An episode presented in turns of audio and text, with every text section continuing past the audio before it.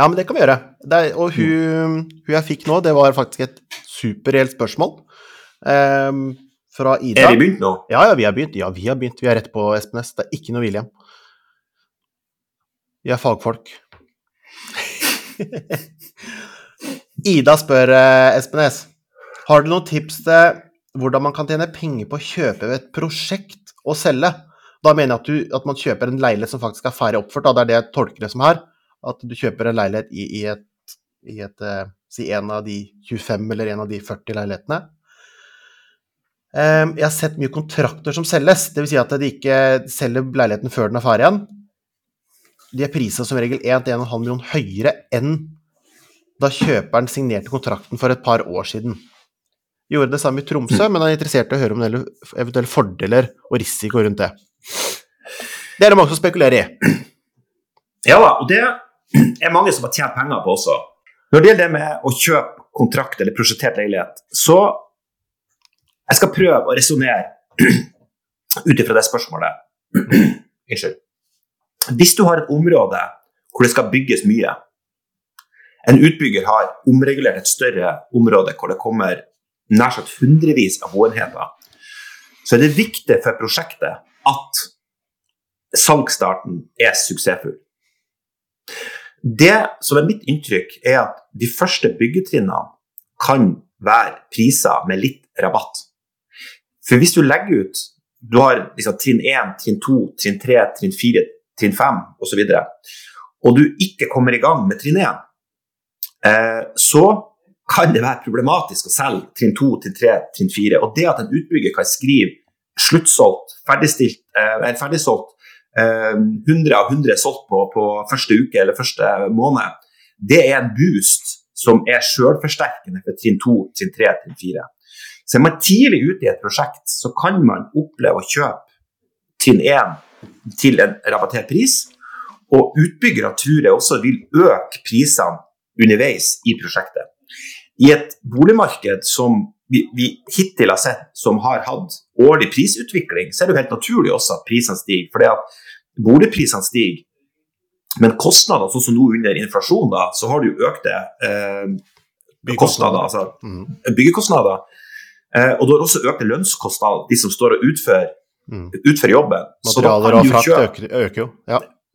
Alt øker. Så da kan du oppleve at du kjøper en leilighet med en, kanskje en snittpris på la oss si 70 000 per kvadrat i trinn 1, men så legger de ut trinn 2 med 75 000 per kvadrat, og kanskje må de legge ut trinn 3 med 78 eller 80 000 per kvadrat. Mm. Og når du da kjøper den første kontrakten Det som er fint med den da, hvis man tenker nå, Vi snakka om det i går med noen, med noen, gutter på noen kompiser. Vi satt og, og, og spiste pizza og tok en øl. Hvis man kjøper et prosjekt i dag, oktober 2023, hvor ferdigstillelse er våren 2025, ja. så gjør man en avtale, men da betaler jo ikke én krone. Så den renteproblematikken som folk sliter med i dag, hvis man gambler litt da, så kan man jo tenke at i 2025, våren 2025 så er det et helt annet boligmarked. Og knappheten på boliger vil jo bygges opp, fordi at tilflyttinga og befolkningsøkninga gjør jo at det er mer behov for flere eh, senger og flere rom. Mm. Men utbyggerne har eh, Eller eh, altså, nye prosjekter er jo sterkt redusert. altså Igangsetting av nye prosjekter er jo sterkt redusert. Og Da kan man jo komme i en posisjon hvor man kjøper i dag, og så skal man selge våren 2025. Og så har boligprisene eksplodert, spesielt det siste halvåret da, i, mot våren 2025. Ja, og Jeg har et godt eksempel på det her rett bak meg. Eh, der mener jeg at tallene var sånn. Man kjøpte på papir før det var ikke bygd eller starta eller noen ting eh, like før det var ferdig. Har ikke gjort noen ting, bare vært i ett kontraktsmøte. Eh, 900 000 opp. Ikke løfta ja. en finger. Nei. Og der tror jeg for, for, jeg tror mange prosjekter er veldig sånn sjablongprissatt. Eh, det vil si at man har kanskje ikke tatt nok høyde for den toppleiligheten i hjørnet med panoramautsikt og fantastiske solforhold og så er den prisen kanskje bare 100 000 opp en etasjen under, eller 200 000 opp for et etasjen under. Men i det åpne markedet mm. Vi har jo det auksjonsprinsippet når vi kjøper og selger bolig. Det vil si at man, man har budrunde. Eh, men når man kjøper fastpris, så har man kanskje ikke fått ut potensialet av de beste objektene. For de beste objektene vil alltid ha høyere etterspørsel. Mm. Så hvis man går inn i prosjektet på et tidlig tidspunkt, så i forhold til spørsmålet fra Ida, da, hvis man ser at man kan melde seg på eh, forhåndssalg, og man er kjapt ute og kommer høyt på lista i forhold til å få tilbud til å kjøpe, Mm. så, bet så betyr jo ikke det at man skal kjøpe, men man jo gjøre en eh, Det er jo ikke gitt at det prosjektet blir en suksess, det er jo ikke gitt at det stiger pris. Men hvis man tenker seg litt om, da, og man greier å plukke ut den beste eh, leiligheten i prosjektet, og den er prisa lik mange av de andre leilighetene i prosjektet, Mm. så kan man jo gjøre en, en, en god handel. Men da spør jeg litt dumt. Hvorfor klarer ikke utbygger eh, å prise den leiligheten til en høyere eller lavere leilighet enn den, hvis den er bedre? For det Fordi Og jeg vet jo Ja, fordi Jo, for de kan ikke ta risikoen. For når de har kjøpt og regulert et stort tomteområde, så er de avhengig av cashflow for å komme seg videre. Så et finansieringsbevis fra Ida og fra Arne og fra Kristoffer og Hans Christian og alle andre, det gjør at når de har solgt 60% eller 70% så kan de gå i banken med alle finansieringsbevisene og si nå har vi solgt 70% nå kan vi, på, vi kan begynne å bygge, og vi kan begynne å selge byggetrinn to.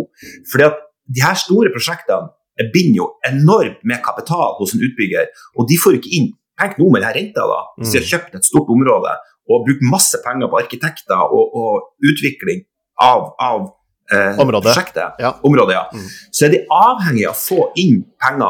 Og det er viktigere for dem i startfasen å få closa masse finansieringsbevis Mm. enn å få ut de siste 5% av markedet. Ja, for da kunne noen spurt igjen, ja, men hvorfor venter ikke til alt er ferdig, og så selger de alt sjøl? Men det har de ikke penger til. Fordi det ene drar med seg andre.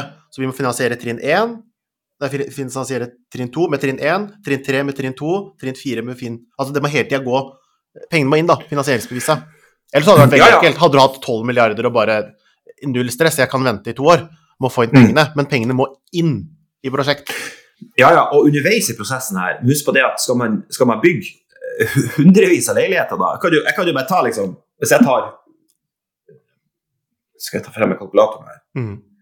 Så tar jeg eh, La oss si at det skal være 100 leiligheter, da. Og så har det en snittpris på på 4,5 millioner. da. Ja. Ja. Skal du ta det i hodet, eller? Nei, nei. Eh, Der kom jo så jeg opp i niende. Det er jo, det er jo Ja. mange mange millioner, ikke sant? og Ja. det har jo ingen råd til. Så de er jo avhengig av å få inn de pengene eh, underveis. Mm. Um, så, så det svaret er veldig enkelt. De er avhengig av cashflowen i, i eh, prosjektet. Ja, det er det. Så mm, Men lønner det seg å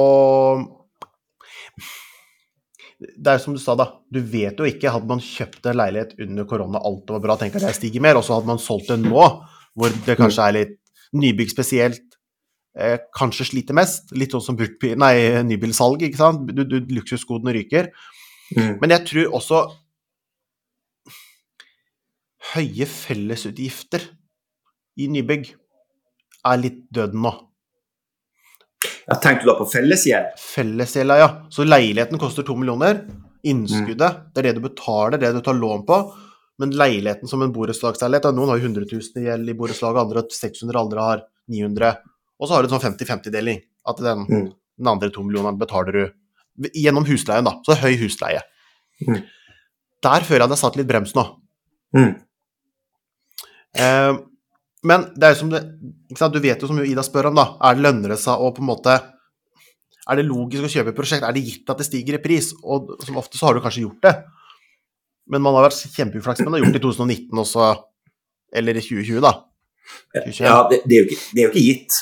Altså, punkt én eh, Inngangsprisen nå må jo være fornuftig, så du må jo se deg om er det her dagens pris du kjøper til, Mm. eller har utbygger allerede tatt høyde for en prisutvikling som gjør at eh, den er høyere da om ett og et halvt år.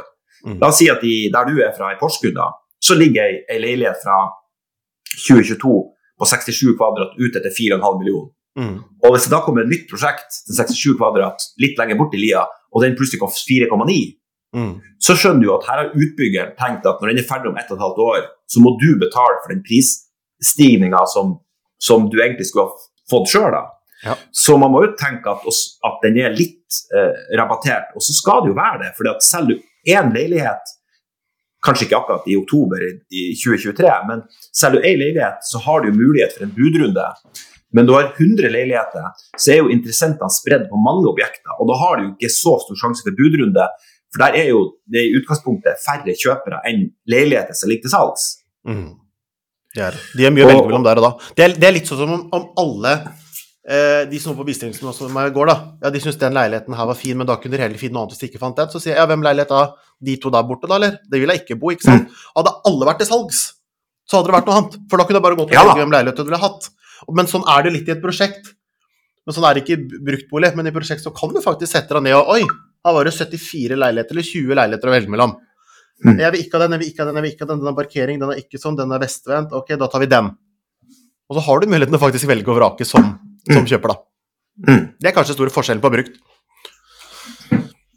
Så vet du ikke når noe lignende kommer til salgs i bruksmarkedet, så går du glipp av en enebolig, da. Det er litt sånn frykt òg. Er du på boligjakt, du ser en stor enebolig, den passer perfekt. Den burde hatt en litt større garasje, og den burde hatt litt større plen, men det kan jo gå fem år til neste gang en Mm. bolig i det området kommer til salgs. Kanskje syv år. Ja, Og da er ungene voksne igjen. Eller skolen er ferdig, liksom. absolutt. Men bare for å gripe tak i det her du snakker om prosjekt. For noen områder, i, altså noen, i noen byer så utvikler de helt nye bydeler. Mm. hvor på en måte det er en helt ny infrastruktur, det kommer nye skoler, ny bussforbindelse, det kommer en ny idrettshall, eh, fotballbane. Og hvis du er helt i startfasen av et sånt prosjekt, som liksom fem år frem i tid, eller tre år frem i tid, blir en fantastisk ny bydel, den har fasiliteter som utsikt nært sjøen, nært marka, osv., osv., så, videre, eh, så kan jo det være mye bedre enn hvis det er liksom en liten jordlapp rett ved E6-en, som en utbygger da har fått skvisa ut av en bonde som, som, eh, som ønsker å bli kvitt den, og så bygges det akkurat der, så trenger jo ikke det prosjektet å bli så forbarska attraktivt når det er ferdig. Nei, Det gjør ikke det. Det er helt det er bare et eksempel. Mm. Mm. Eplehageprosjekter. Ja, Det kan jo være en fin eplehage, selvfølgelig. Det kan fin eplehage. Nei, men jeg tror Ida fikk eh, svaret sitt. Mm. Gjorde hun ikke det? Jo da, men det er jo gambling. Er alltid gambling. Noe gambling er det. Men det er gambling å ikke også gamble. Det er dyrt å ikke være på boligmarkedet. Det er dyrt. Kan vi ikke konkludere med det? Mm. Da ses vi igjen neste gang, Espenes. Det gjør vi.